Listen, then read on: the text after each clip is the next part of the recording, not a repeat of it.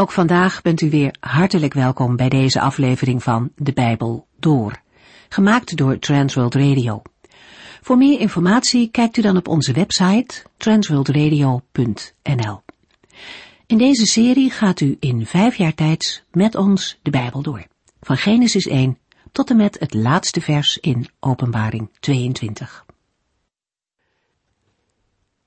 We zijn bezig in de laatste hoofdstukken van de profeet Jezaja. En we krijgen hier iets te zien van het toekomstige ingrijpen van de Heer. Allereerst gaat het om het herstel van Jeruzalem. Maar op verschillende plaatsen lezen we ook dat Gods ingrijpen de hele wereld betreft.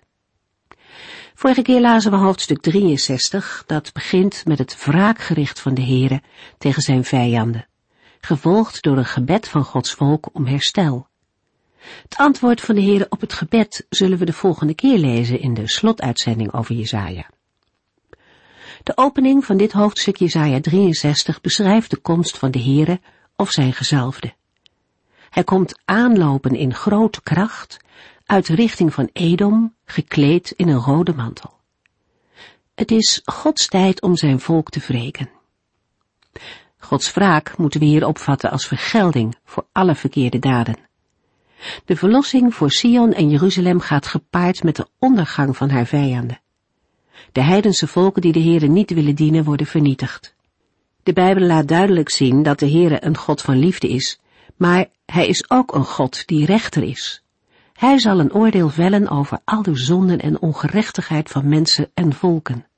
Dat kan een reden zijn om bang te worden, maar dat hoeft niet. De Heere zelf wil ons te hulp komen. Hij heeft voorzien in een offer voor onze zonde in zijn Zoon Jezus Christus, en het is aan ons om dat aan te nemen. Wie dat niet aanvaardt, heeft terecht reden om bang te zijn voor de toren van de levende God. Ook het Bijbelboek Openbaring geeft dat aan. Wel is het zo dat Gods oordeel pas plaatsvindt nadat er ruimschoots tijd was voor overgave en bekering.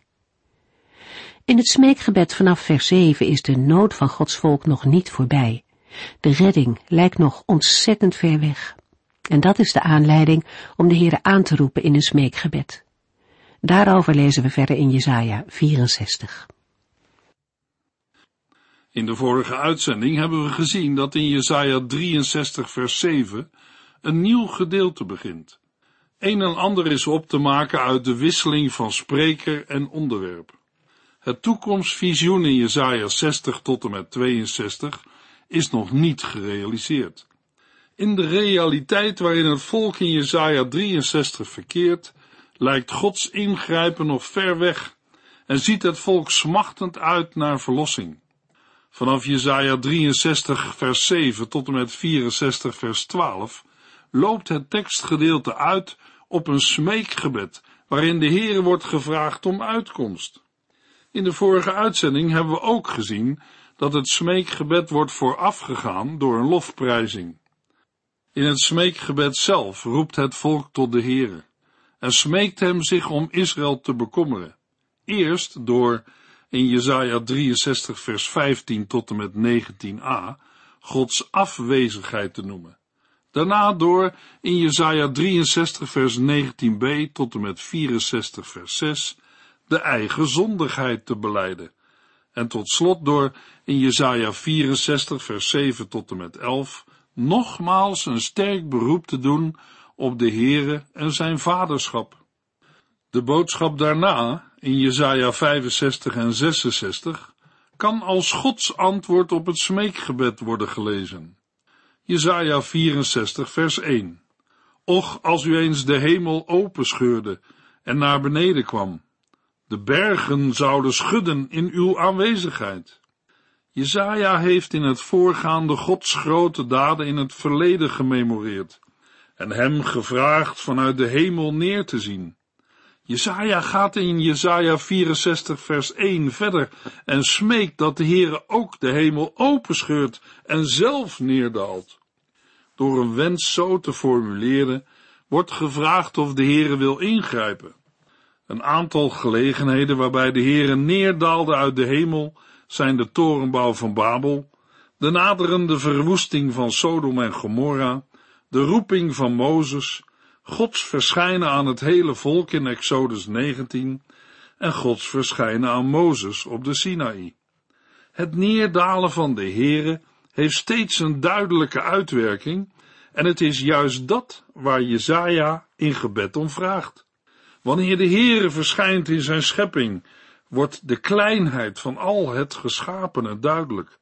Zoals vuur in korte tijd dorre takken doet branden en water doet koken, met andere woorden van vorm laat veranderen. Zo verandert een glimp van de Heere de bergen. Jezaja vraagt dit aan de Heere, opdat zijn naam bekend zal worden aan de vijanden. De profeet vraagt niet of de tegenstanders worden gedood, maar dat zij zullen sidderen of schudden van angst en ontzag. Het gaat om de eer van de Heere. Jezaja 64 vers 2 Het verterende vuur van uw glorie zou de bossen platbranden en de oceanen laten droog koken. De volken zouden voor u sidderen van angst, dan zouden uw vijanden erachter komen, waarom u zo geducht bent. Als we vers 2 vertalen als een terugblik op het verleden, zoals dat ook in het volgende vers gebeurt, dan gaat het erom dat Gods handel in het verleden indrukwekkend was en boven verwachting. Daarom zal zijn ingrijpen ook in de toekomst een ongedachte uitwerking hebben. Maar vanwege de parallel met vers 1, waar we aan het slot vrijwel dezelfde woorden vinden, is het beter de woorden te lezen als een smeekbede. Het slot van vers 2 wordt dan, Och dat u afdaalde, dan zou het verterende vuur van uw glorie de bossen plat branden en de oceanen droog koken. De volken zouden voor u sidderen van angst en uw vijanden erachter komen waarom u zo geducht bent. Daarmee legt Jezaja de nadruk op het onvergelijkbare van de Heere. Jezaja 64 vers 3 en 4 Zo was het vroeger ook wanneer u naar beneden kwam, want u deed vreselijke dingen, die boven al onze vermoedens uitgingen, en waar de bergen van schudden. Want wat niemand ooit heeft gezien of gehoord, en wat niemand ooit heeft bedacht, dat heeft God allemaal klaar voor hen die op Hem wachten. De opbouw van de versen 3 en 4 is verrassend. Eerst wordt gesproken over Gods neerdalen, wat in zich geeft dat de Heere handelend optreedt. Dan volgt wat niemand ooit heeft gezien of gehoord en wat niemand ooit heeft bedacht.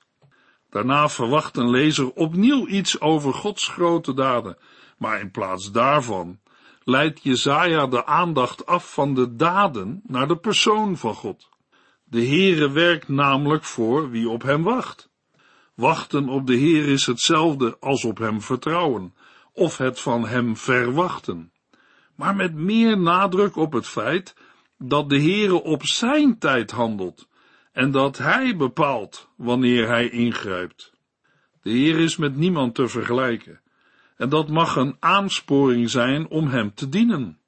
Hoewel Gods ingrijpen onverwacht is, als het gaat om de precieze uitvoering of het moment van handelen, toch is de Heere niet willekeurig.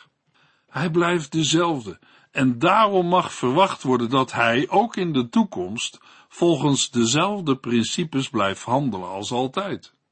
Paulus citeert de woorden uit vers 4 in 1 Corinthians 2 vers 9 waar hij schrijft, dat staat ook in de boeken. Wat niemand heeft gezien, niemand heeft gehoord en wat niemand ooit heeft bedacht, dat heeft God allemaal klaar voor hen die hem liefhebben.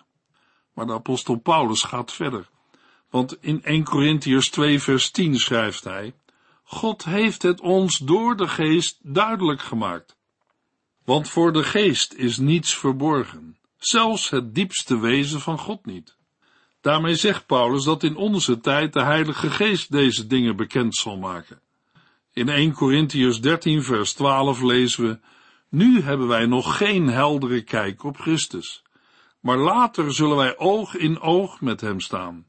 Ik ken hem nu nog niet volkomen, maar dan zal ik hem volledig kennen, zoals hij mij door en door kent. Luisteraar, is het niet prachtig wat de profeet Jezaja in vers 4 zegt? De woorden geven een extra stimulans om vol verwachting uit te zien naar de wederkomst van Christus en de voleinding van alle dingen. Want wat niemand ooit heeft gezien of gehoord, en wat niemand ooit heeft bedacht, dat heeft God allemaal klaar voor hen die op hem wachten. Hoort u bij de mensen die op hem wachten? Jesaja 64 vers 5 U verwelkomt de mensen die graag goede dingen doen, die goddelijke wegen bewandelen. Maar wij zijn niet goddelijk. Wij zondigen doorlopend en blijven dat heel ons leven doen. Daarom drukt uw toorn zwaar op ons. Hoe kunnen mensen als wij worden gered? De Heere komt mensen tegemoet die zich verheugen in het doen van gerechtigheid. Met andere woorden, mensen die graag goede dingen doen. Het zijn mensen die op Gods wegen verlangen te wandelen. Het voorbeeld van het bewandelen van de juiste weg komt ook veel voor in wijsheidsliteratuur en de wijsheidspsalmen. Daarom waarschuwt Jezaja ook tegen het niet wandelen op Gods wegen. In wezen is bekering het veranderen van de weg waarop een mens loopt. In Jesaja 55 vers 7 hebben we dat ook gelezen. Laten de overtreders hun slechte wegen verlaten en elk plan tot zondige uit hun gedachten bannen. Laten zij naar de Heer onze God terugkeren. Dan zal hij zich over hen ontfermen, want hij vergeeft grenzeloos veel. De tweede helft van vers 5 heeft een andere toon en beleidt dat de Heere toornig is omdat wij zondigen. Jezaja drukt het uit met de woorden, maar wij zijn niet goddelijk, wij zondigen doorlopend en blijven dat heel ons leven doen. De slotwoorden van vers 5 zijn moeilijk en er zijn verschillende verklaringen voorgesteld. De uitleg die het meest bij de context van een schuldbeleidenis past, is die waarbij een lange tijd van zondigen wordt aangenomen en de vraag opkomt, hoe kunnen mensen die zo lang gezondigd hebben nog gered worden? In de woorden hoe kunnen mensen als wij worden gered ligt ook, we kunnen het bijna niet geloven dat zoiets mogelijk is. We hebben al zo lang gezondigd. Zouden wij dan nu redding vinden? De ernstigste aanklachten tegen zichzelf geven iets aan van erkenning van eigen schuld. Vers 5 beschrijft in krachtige, beeldende taal wat zonde is. Wij zijn niet goddelijk. De problemen liggen niet in de eerste plaats in de militaire ontwikkelingen of materiële omstandigheden, maar in eigen leven. De beleidenis is dat iedereen doorlopend zondigt en dat heel zijn leven blijft doen. Wij zijn melaats van zonde, onrein, dat wil zeggen, niet geschikt om vanuit onszelf de Heere te dienen en te eren. Haggai 2 laat zien hoe onreinheid zich kan verspreiden in tegenstelling tot heiligheid. In het vervolg, in Haggai 2 vers 15 tot en met 19, wordt net als in Jesaja 64 het hele volk aangeklaagd, omdat zij de offerdienst niet serieus nemen en zich daarmee minachtend uiten tegenover de Here. Het gevolg is dat God zijn zegen onthoudt. Zelfs als de mensen proberen rechtvaardig te leven, is het onvoldoende vanwege de zonde. Jesaja 64 vers 6 Wij zijn allemaal besmet en bevlekt door de zonde. Als we onze mantels van gerechtigheid aantrekken, blijken het met bloed bevlekte kleren te zijn. Wij verdorren en vallen af als bladeren in de herfst. En als de wind blazen onze zonden ons weg. Mensen worden als herfstbladeren door de wind van hun eigen zonde weggeblazen. Ze hebben geen grip meer op wat ze doen of wat hun overkomt.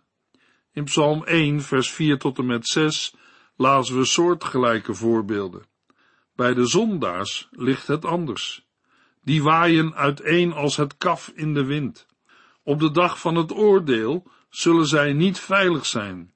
Ze kunnen dan immers niet stand houden te midden van Gods trouwe volgelingen, want de Heere leidt de wegen van zijn volgelingen, terwijl de weg van de goddeloze rechtstreeks naar de afgrond voert. In de situatie van vers 6 wordt de afstand tussen de Heere en zijn volk steeds groter. Jezaja beleidt dat wij allemaal besmet en bevlekt zijn door de zonde. Er is niemand die God nog zoekt en zich aan hem wil vastklampen. Er is niemand die zijn naam aanroept, die zich ertoe zet zijn hand te grijpen. De Heere heeft zijn gelaat verborgen. Hij heeft hen moedeloos gemaakt en hen overgeleverd aan hun eigen wangedrag. Jesaja 64 vers 7 Toch roept niemand uw naam aan of smeekt u om genade. Daarom hebt u ons de rug toegekeerd en ons aan onze zonden uitgeleverd. De Heere houdt zich verborgen. Hij heeft hen overgeleverd aan hun zonde, wat erop neerkomt dat de Heere hen niet te hulp komt, maar het volk vanwege zijn zonde de rug toekeert of aan zijn lot overlaat. Hiermee komt de klacht tot een climax. De Heere heeft in het verleden vaak ingegrepen, en in Jesaja 64 wordt hem nu gesmeekt dit weer te doen. Het is opvallend dat er geen duidelijke bede klinkt om genadig te zijn en de zonde te vergeven. Maar indirect is dit wel de bedoeling. Evenmin doet de profeet de belofte dat het volk de zonde na zal laten. De nood van het volk is zo groot, dat zelfs deze belofte niet klinkt. De hulp moet van boven komen. Jesaja 64 vers 8. En toch, Heere, bent u onze vader. Wij zijn de klei en u bent de pottenbakker. Wij zijn allemaal gevormd door uw hand. Het laatste gedeelte van het gebed, vers 8 tot en met 12, begint met een bevestiging van Gods vaderschap en zijn soevereiniteit als schepper. In Jesaja 64 weergegeven met de woorden, U bent onze pottenbakker. Als schepper of pottenbakker maakt, vormt, kneedt breekt en herstelt de Heere Israël zoals hij dat wil. Maar het vormen van zijn volk doet de Heere niet als een afstandelijke God hoog in de hemel, maar als vader. Over het vaderschap van de Heere hebben we ook gelezen in Jesaja 63 vers 16. In Jesaja 64 staan pottenbakker en vader parallel, maar de tweede uitdrukking, wij zijn de klei en u bent de pottenbakker, is veel persoonlijker. In Romeinen 9 maakt Paulus gebruik van het voorbeeld van de pottenbakker en de klei. Bij de apostel Paulus vinden we ook de verbinding met het vaderschap van God. Wij lezen onder andere in Romeinen 8 vers 15, wij zijn door hem, de Heere, aangenomen als kinderen. En doordat zijn geest in ons woont, roepen wij, Abba, Vader. Met de erkenning van God als Vader verandert in Jesaja 64 de betekenis van een accepteren van het lot in een pleidooi en een verwachtingsvolle overgave aan de Heere. Het is een pleitgrond voor het gebed. Heere, zie toch om naar uw kind dat verwachtingsvol naar u uitziet. Vers 8 eindigt met de woorden, wij zijn allemaal gevormd door uw hand, waarmee Jesaja nadrukkelijk heel het volk insluit. Jesaja 64 vers 9. Och, wees niet boos op ons, heren, en herinner u niet eeuwig onze zonden. Kijk en zie dat wij allemaal uw volk zijn. De profeet vraagt de Heere uit naam van het volk om zijn genade. Laat de Heere toch niet al te boos zijn, laat hij zich niet eeuwig hun zonde herinneren. De vragen komen voort uit een verlangen naar vergeving en verzoening. Het gebed wordt gemotiveerd met opnieuw een verwijzing naar uw volk. Het volk Israël is het eigendom van God zelf. Laat de Heere er daarom toch zelf naar omzien. De argumenten van Jezaja zijn min of meer vergelijkbaar met die van Mozes in Exodus 32.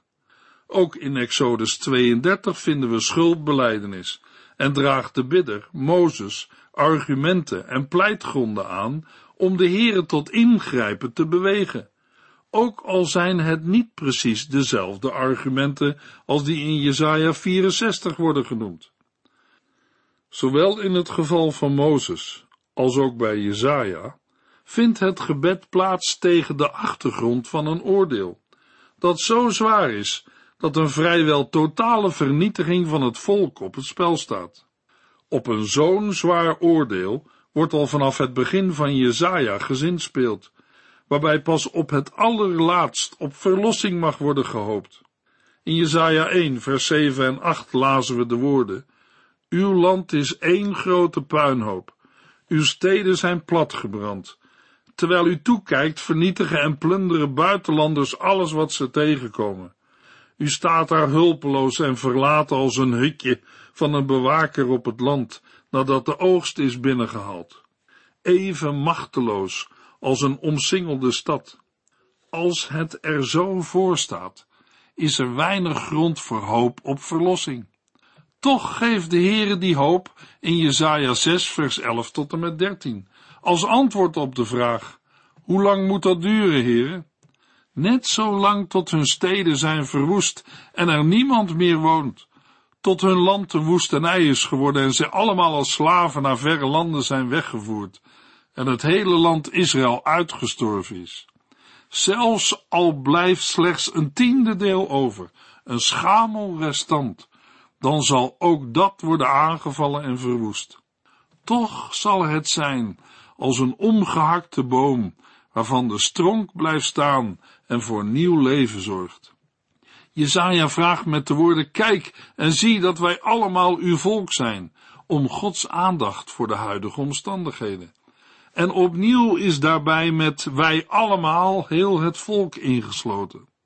Waar Jezaja eerder sprak over het volk met de woorden, wij zijn allemaal besmet en bevlekt door de zonde, duidt hij in vers 9 het volk toch aan als uw volk. Zelfs Israëls zondigheid kan daar geen afbreuk aan doen. De profeet verwoordt net als in Jesaja 63 in welke ellendige situatie Gods volk verkeert en geeft opnieuw aan dat die situatie om ingrijpen van de Heere vraagt. Jesaja 64 vers 10 en 11.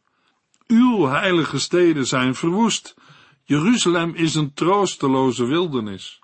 Onze heilige prachtige tempel, waar onze vaders u loofden, is platgebrand en alle mooie dingen zijn verwoest. Eerst wordt er gerefereerd aan Gods heilige steden en aan Jeruzalem of Sion in het bijzonder. De heilige steden zijn verwoest. Jeruzalem is een troosteloze wildernis. Dat de steden nadrukkelijk met Gods heiligheid worden verbonden, is een pleitgrond voor het gebed om Gods ingrijpen. Want de Heere zal toch niet toelaten dat zijn heiligheid wordt aangetast. Jezaja verwijst in zijn gebed ook naar de tempel onze heilige prachtige tempel, waar onze vaders u loofden, is platgebrand en alle mooie dingen zijn verwoest. In Jesaja 63 vers 18 was er sprake van uw, van Gods heiligdom, maar hier is alles van ons. In beide gevallen gaat het over persoonlijke betrokkenheid. In de Hebreeuwse tekst van Jesaja 63 vers 18 is nog sprake van het vertrappen van Jeruzalem en het heiligdom.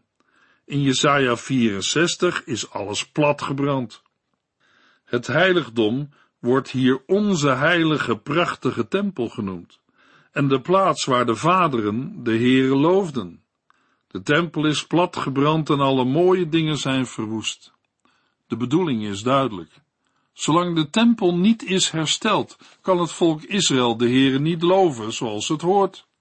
Ook dit aspect is een pleitgrond voor het gebed van Jezaja.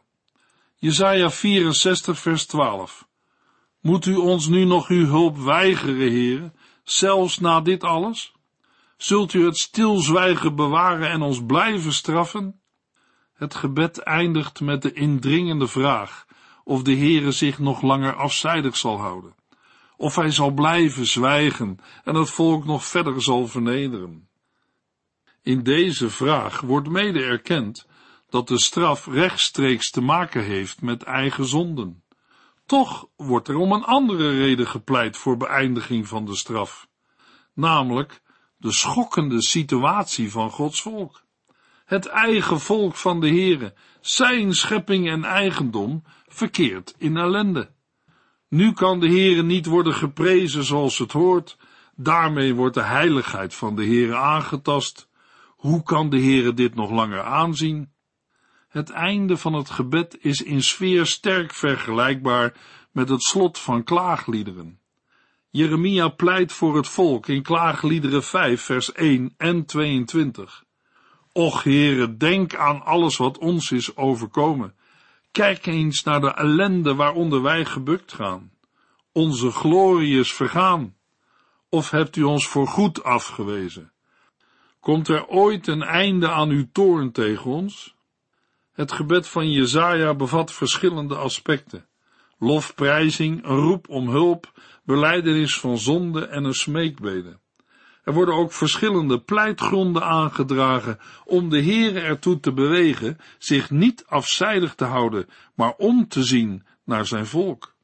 Het gebed van Jezaja bevat ook een herinnering aan vroegere, betere tijden en de huidige noden van het volk Israël. Het is een gebed vanuit een diep vertrouwen in Gods verbondstrouw. Nooit zal hij zijn volk definitief loslaten. De profeet fundeert zijn smeekbeden op wie de Heere zelf is. Hij is trouw en barmhartig. Jezaja refereert ook aan Gods heiligheid en eer, omdat zijn volk in ellende verkeert en zij de Heere niet in zijn heiligdom kunnen loven, worden zijn eer en heiligheid aangetast. Het antwoord op Jezaja's gebed volgt in Jezaja 65 en 66. In de slothoofdstukken van Jezaja blijkt dat de Heere zich helemaal niet afzijdig houdt. Hij zal zijn volk herstel geven. Zijn ingrijpen zal zo krachtig en indrukwekkend zijn dat niets meer hetzelfde blijft. In de volgende uitzending lezen we Jesaja 65 en 66. U heeft geluisterd naar De Bijbel Door, in het Nederlands vertaald en bewerkt door Transworld Radio. Een programma waarin we in vijf jaar tijd de hele Bijbel doorgaan. Als u wilt reageren op deze uitzending of u heeft vragen, dan kunt u contact met ons opnemen. Tijdens kantooruren kunt u bellen op 0342 478432. 0342 478432. Ook kunt u een e-mail sturen naar de en natuurlijk kunt u ook via de post ons bereiken. TWR, postbus 371, postcode 3770, AJ in Barneveld. Dit programma werd gepresenteerd door Cor Weda en Ike André. Techniek was in handen van Odin van Voerkom. En wij allemaal bedanken u voor het luisteren. Graag tot de volgende keer.